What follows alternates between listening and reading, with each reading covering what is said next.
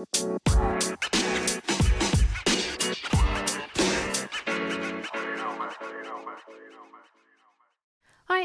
mijn naam is Janneke en welkom bij mijn Positief met Pubers podcast. De podcast waarin ik elke week vragen van ouders beantwoord over het opvoeden van pubers. Iets wat ik geweldig vind en waar ik gewoon heel blij van word. Ik denk graag met je mee, geef je concrete suggesties die je direct kan toepassen in jouw situatie. Mijn doel met deze podcast is jou te inspireren en te triggeren om anders te gaan kijken naar je puber, anders te gaan praten tegen je puber en anders om te gaan met puberproblemen. Heb je zelf een keer een vraag of een suggestie? Ze zijn altijd welkom. Je kan me vinden op Instagram op Janneke underscore, je pubercoach, of stuur mij een mailtje via info.conductien.nl. Nou, gaan gauw naar de podcast, aflevering van vandaag. Veel luisterplezier. Lieve groet.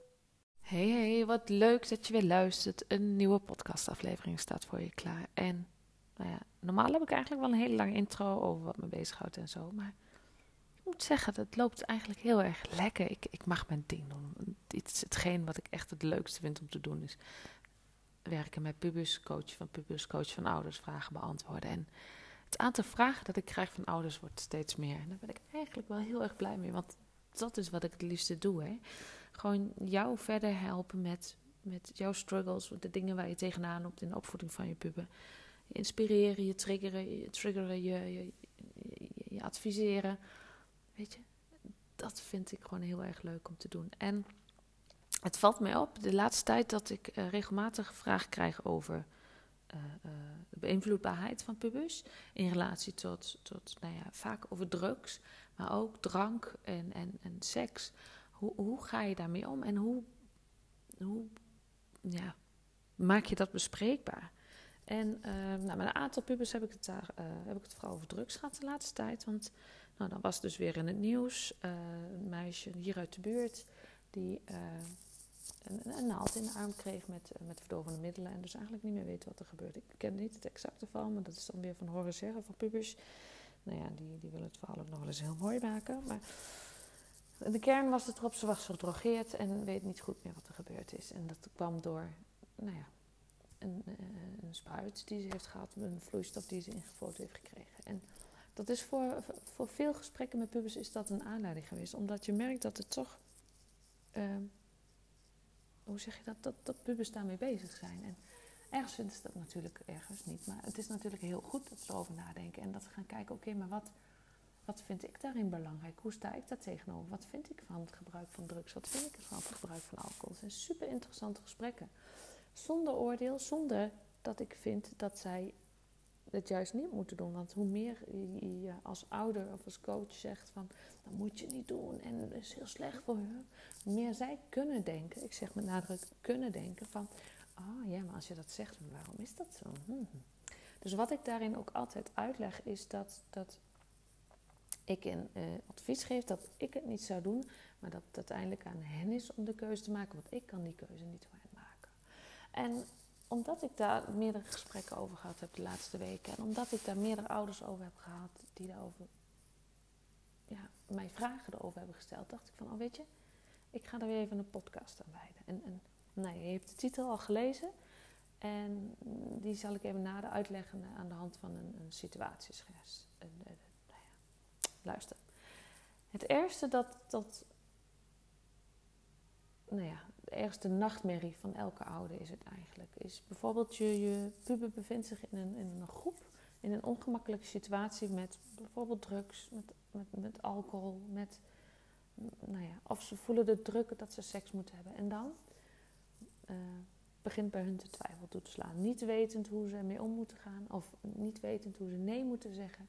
En ze storten in of bezwijken gewoon. Ze gaan mee in de groep die situatie, stel je eens voor, hoe, hoe, hoe zou jouw puber daarmee omgaan? Zou je puber inderdaad overstag gaan en meegaan? Of is staat jouw puber sterk in de schoenen en zou het nee kunnen zeggen? En, en weet je, ik snap het. Ik, ik snap de puber.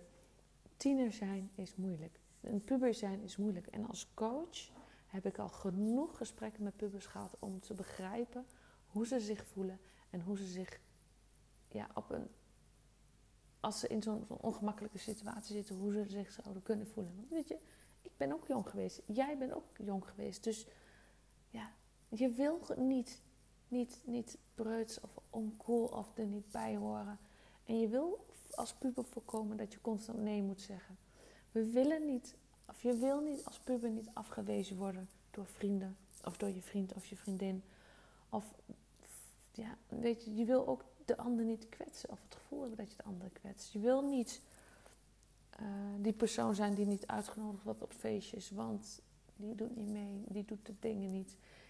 Je wil niet uh, dat je gekoppeld wordt aan iemand die niet weet hoe je echt plezier moet hebben. En dat is toch de indruk die ze vaak hebben als ze niet meegaan met, met wat de rest wil.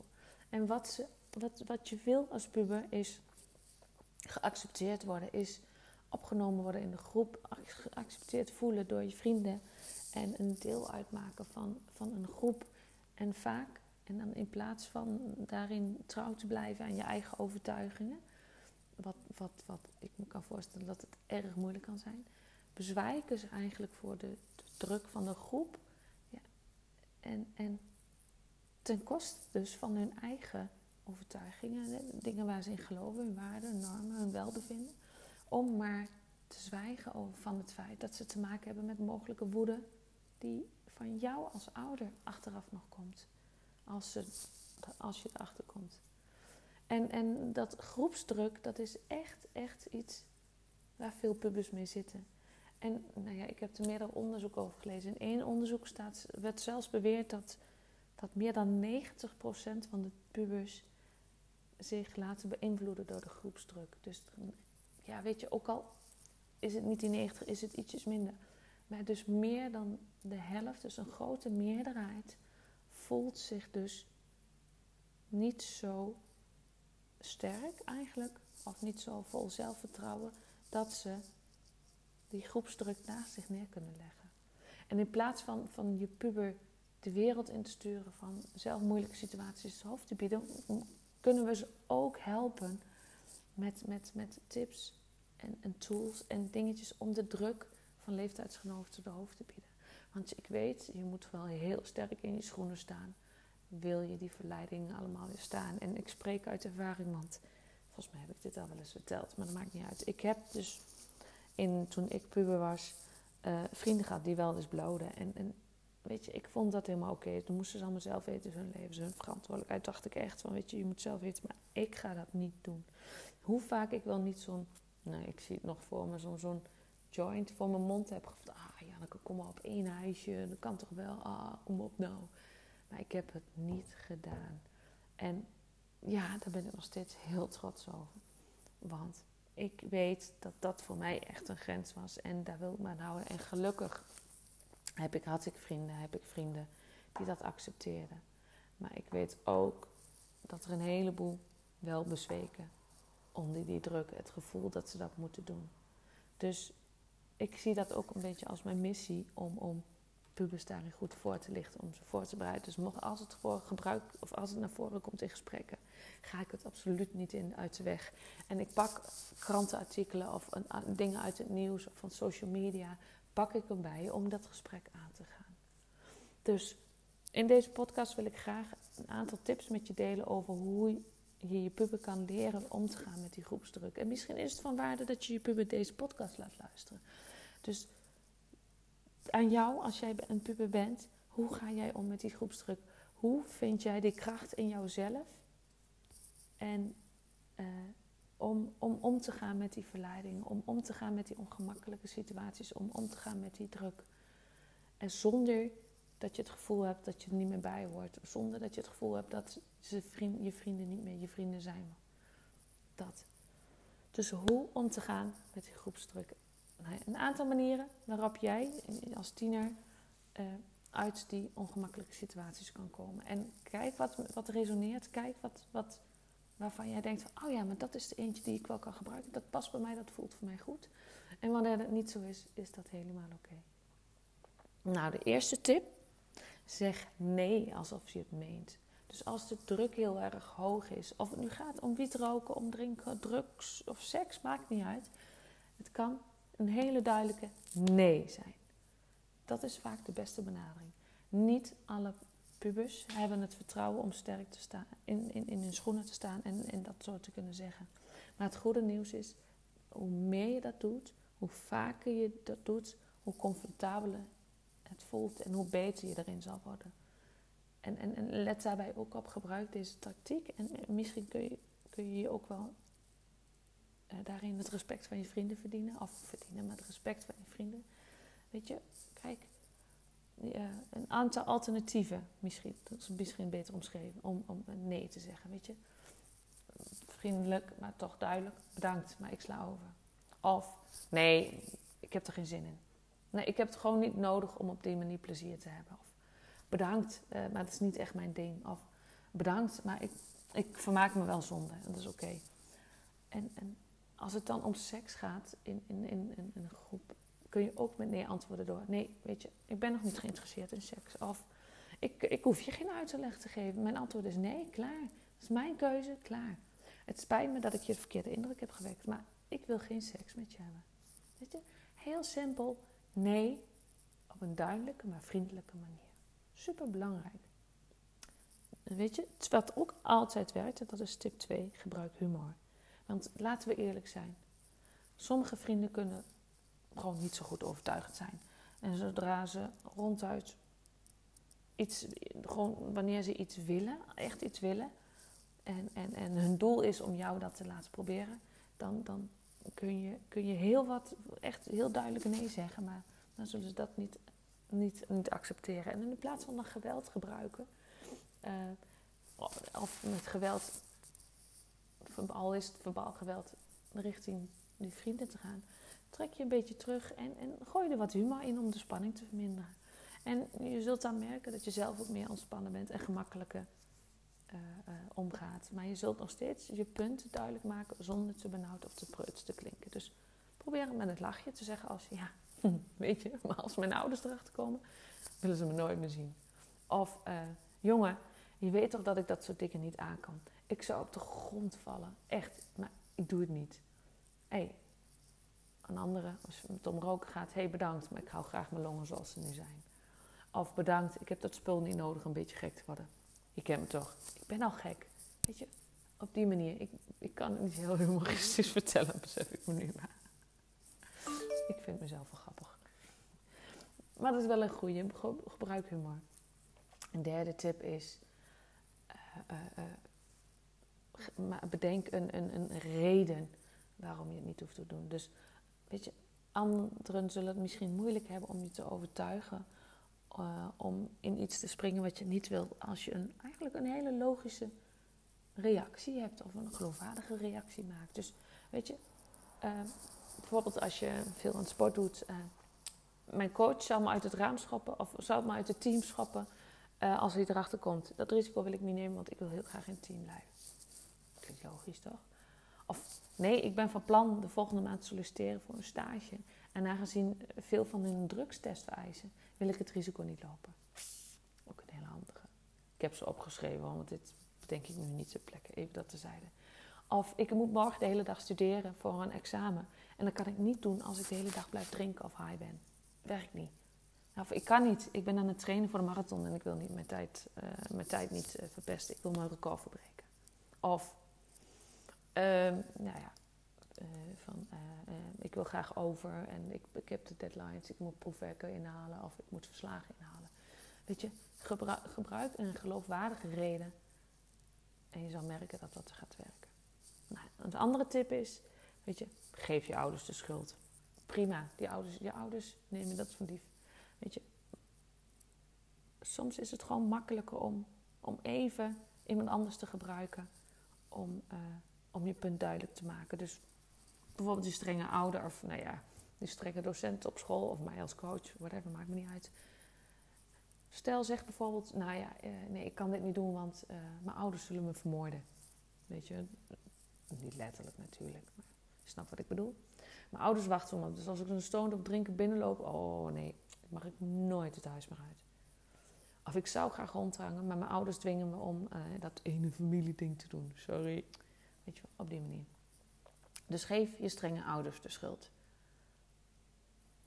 Wat ook heel goed kan werken is het excuus. Ik heb al andere plannen. Dus eh, ja, sorry, ik kan niet. Ik heb, ik heb al plannen met vrienden van de club, van mijn team, van whatever. Maakt niet uit. Of ik kan niet, ik ben uitgenodigd bij een vriend thuis om rond te hangen en een film te kijken. Misschien een andere keer.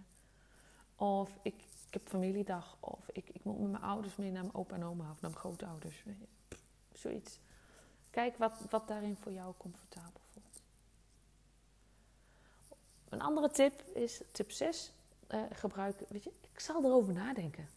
Tactiek. Werkt ook altijd goed. Als je dus het gevoel hebt dat je, dat je vastzit en eigenlijk niet meer weet wat je moet zeggen, gun jezelf dan wat tijd om, om je reactie uit te stellen. En heel vaak, als je dit bij gebruikt, zul je, uh, zullen je vrienden, of je vrienden tussen haakjes, je kennis uiteindelijk je punt wel begrijpen. Dus uh, ja, ik weet niet zeker of het kan. Ik laat het je weten. Of, ja, klinkt leuk, maar ik moet er nog even over nadenken. Hmm, misschien. Ik laat het je weten. Weet je, zoiets. Kijk, kijk ook hier weer wat met jou, resoneert. Tip 7 is, uh, gooi het excuus van ik heb veel te veel te doen. Gooi die weg.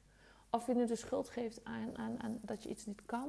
Of, om, of ergens heen moet. Of, of een of ander, nou ja, een heleboel klusjes die je voor je moeder gedaan moet doen of die wiskunde-examen waar je voor moet studeren. Dit excuus is als, je, uh, ja, als er echt druk op zit. Dus weet je, wanneer je echt merkt van oké, uh, ik kan je bijna niet meer onderuit komen, dan zeg je, kun je bijvoorbeeld zeggen, weet je, ik heb maandag een enorm PTA-opdracht die ik in moet leveren.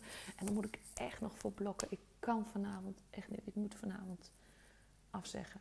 Of ik wou dat ik kon, maar mijn, mijn project dat krijg ik niet af. Anders ga ik voor die klas zakken en dat wil ik niet. En mijn vader heeft me laten helpen. Eh, ja, laat me helpen met, of moet ik helpen met het opruimen van een garage of met die ene klus. En nou ja, ik wou dat ik onderuit kon komen, maar het lukt niet. Dus gebruik, ik ben heel erg druk. Of ik moet nog heel veel doen, tactiek. Werkt ook heel vaak. Wat ook altijd werkt is ik zou graag willen, maar ik voel me zo behoord. Ik kan niet, ik ben ziek, ik lukt niet vanavond. Veel plezier zonder mij, ik ga liggen, ik voel me rot. Ziek melden. Dus een geweldige manier om te voorkomen dat je ergens heen gaat waar je niet heen wilt. Omdat je weet dat je daar mogelijk zou kunnen gaan bezwijken onder de druk van de groep. Yes? Een andere tip is, ehm, als je al in bezit bent van een rijbewijs, om de Bob te zijn. Want als Bob is het niet verstandig of om alcohol te drinken of om drugs te gebruiken. Want als je gepakt wordt, heb je een probleem. Al werkt altijd heel goed. Is een goede om mee te nemen. Dus bedankt, ik kan niet. Ik ben de Bob. Weet je wel. Wat ook altijd werkt. Uh, en wat een hele belangrijke is om af te wegen. Wanneer jij keer op keer op keer op keer door je vrienden wordt. Terwijl je vrienden proberen je te overtuigen. Bedenk je dan goed. Wil ik nog wel met deze mensen omgaan? Zijn dit dan wel mijn vrienden als ze me constant proberen te overtuigen dat ik dat moet doen? Is niet leuk om te horen, maar wel een hele belangrijke. Want wanneer jij echte vrienden hebt, die zullen je misschien een keer uitnodigen om wat te doen. Maar als jij duidelijk nee hebt gezegd, of als jij duidelijk hebt aangegeven: dit wil ik niet, dan zullen ze dat accepteren. Als ze echte vrienden zijn. Doen ze dat niet, dan kun je je afvragen of ze. Uh, of ze het wel menen, of het vriendschap wel is. En anders is het misschien belangrijk dat je in een andere situatie, wanneer er geen drugs, alcohol in het spel is, dat gesprek aan te gaan en uit te leggen: Weet je, dit is gewoon wat ik niet doe, wat ik niet wil. Accepteer dat. Kun je dat niet, dan maak, ben ik genoodzaakt andere keuzes te maken. Of woorden die, die jij daaraan wil geven. Ik denk dat dat super belangrijk is, want echte vrienden dwingen jou niet iets te doen wat je niet wil ook een vriendje of een vriendinnetje waar je een relatie mee hebt niet. Als ze echt van jou houden, als ze je echt leuk vinden om wie jij bent, dwingen ze je niet om iets te doen wat je niet wil. Als het nu gaat om drugs, over alcohol, over seks, over grensoverschrijdend gedrag, strafbare feiten. Ze zullen je niet dwingen om dat te doen. Denk daar heel goed over na. Yes? Nou, dit waren mijn tips. Ik hoop dat jij er wat mee kan. Ik hoop dat je er als ouder wat mee kan. Dat het je inspiratie geeft om dat op te pakken met je puber. Mocht je erin vastlopen, mocht je denken, nou Janneke, help, laat me weten. Mocht je zelf nog tips en suggesties hebben, Laat het me ook even weten. Ik heb er van vandaag ook een post over gemaakt. Schrijf jou, jou, jouw gouden tip, jou, jouw reactie, jouw ervaring onder die tip. Want daarmee help je niet alleen mij, maar help je misschien nog wel meer al die andere ouders die nu in hetzelfde schuitje zitten als jij, die ook met de puber zitten en zich zorgen maken over maar wat als mijn puber dat gaat doen en hoe kan ik hem daarin. Nou, je kunt, het, je kunt het hem wel verbieden, maar ik vraag me af of dat de goede redenatie is. Maar hoe kun je hem, en daar ben ik van overtuigd, hoe kun je hem de goede voorlichting geven? Hoe kun je helder krijgen wat zijn waarden en normen zijn, wat hij of zij belangrijk vindt? En hoe zou hij omgaan in die situatie? Zeer waardevolle gesprekken kunnen uitkomen. Zeer de moeite waard om, om te onderzoeken samen met je puber. Yes? Yes. Nou, wat ik al zei, ik hoop dat je het waardevol vond. Dat je, de, wat, je wat kan met die tips. Dat, je, dat er tips tussen zitten waarvan je denkt van... Oh ja, hier kan ik echt wat mee. En uh, dan wens ik je heel veel succes. En vooral, weet je, geniet van het proces. En heb vertrouwen in je puber. Dankjewel. Tot later.